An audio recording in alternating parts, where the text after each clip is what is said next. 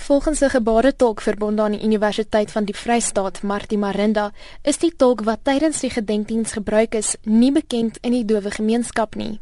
Gebaretaal reg oor die wêreld se basiese strukture stem ooreen. Dit beteken dat dit 'n universele taal is wat relatief goed deur dowes reg oor die wêreld behoort verstaan te word. Miranda sê egter dat die tolk se gebare geen betekenis oorgedra het nie. Hy het bewegings gemaak op die verhoog wat glad nie gebaretaal was nie. So daar was geen betekenis in dit wat hy met sy gebare gewys het. Niks, niks, niks, absoluut niks. Sy sê hulle wil hul koppe laat sak in skaamte oor die voorval. So groot gebeurtenis, is dit baie sleg dat dit so wêreldwyd net opgetel is. En dan het jy op die TV-skerm die blokkie gesien waar die die tolke wat ehm um, die SAIK gehad het. En as jy die twee vergelyk, kan jy 'n groot verskil sien. Volgens Miranda het internasionale dowes op sosiale netwerke sterk reageer op hierdie sogenaamde tolk. Daar dowes vanuit Europa en Australië en oral oor kommentaar gelewer op Facebook en so aan oor die sogenaamde tolk op die verhoog en hulle het hom glad nie verstaan lyk net of hy sy arm swaai en so um internasionaal het die dowe gemeenskap opgetel dat dit 'n sogenaamde tolk Wilma Drugen is die eerste dowe Suid-Afrikaanse parlementslid en ook die adjunkpresident van die Wêreldfederasie van Dowes. Ons het met haar gepraat deur middel van 'n tolk. Sy sê die dowe gemeenskap is glad nie tevrede nie. The deaf community in South Africa is an outrage. Even the deaf community internationally are wondering how did this person get onto that platform? It's unfortunate. When we looked at our TV screens here in South Africa, in the left-hand corner, you will find a block with sign language interpreters.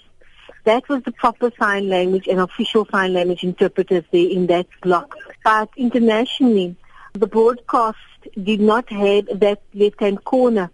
So when the broadcast went out internationally, the interpreter on the stage was on the screen and we don't can't call that person an interpreter. I can't I can't call him an interpreter because his hand was just moving in the air.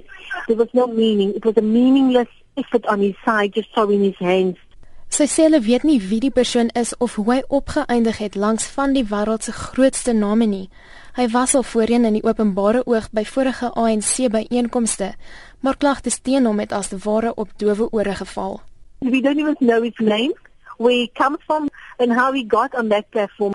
But we've seen him before, you know, at some of the ANC events. We have complained, the Deaf Federation of South Africa has complained, and many of the deaf have complained. And we've channeled our complaints to the ANC, but we've not received any um, response as yet. Verder sê sy daar is wel gesertifiseerde tolke, maar dat hulle nooit geraadpleeg is nie. We've got many sign language interpreters. We actually have accredited interpreters. They are accredited by the South African Translators Institute in Pretoria. We have those interpreters. They were right there on the television screen. But there was no consultation done with us or with the Deaf Federation of South Africa. No consultation was done so that they could have got proper interpreters. Intussen sê lid van die regeringskommunikasie en inligtingstelsel Tyrone Seal, die regering neem kennis hiervan. Gister is die volgende inligting in 'n persverklaring bekend gemaak. Ons het vroeër vanmiddag 'n verklaring uitgereik waarin ons sê die regering neem kennis van uh, die klagtes uit verskeie oorde oor die beweerde verkeerde gebruik van vingertaal by gister se uh, nasionale gedenkdiens. Ons uh, ondersoek hierdie insident maar ons, ons was in staat vandag om hierdie ondersoek af te handel want die program rondom die reëlings vir die begrafnis is baie druk.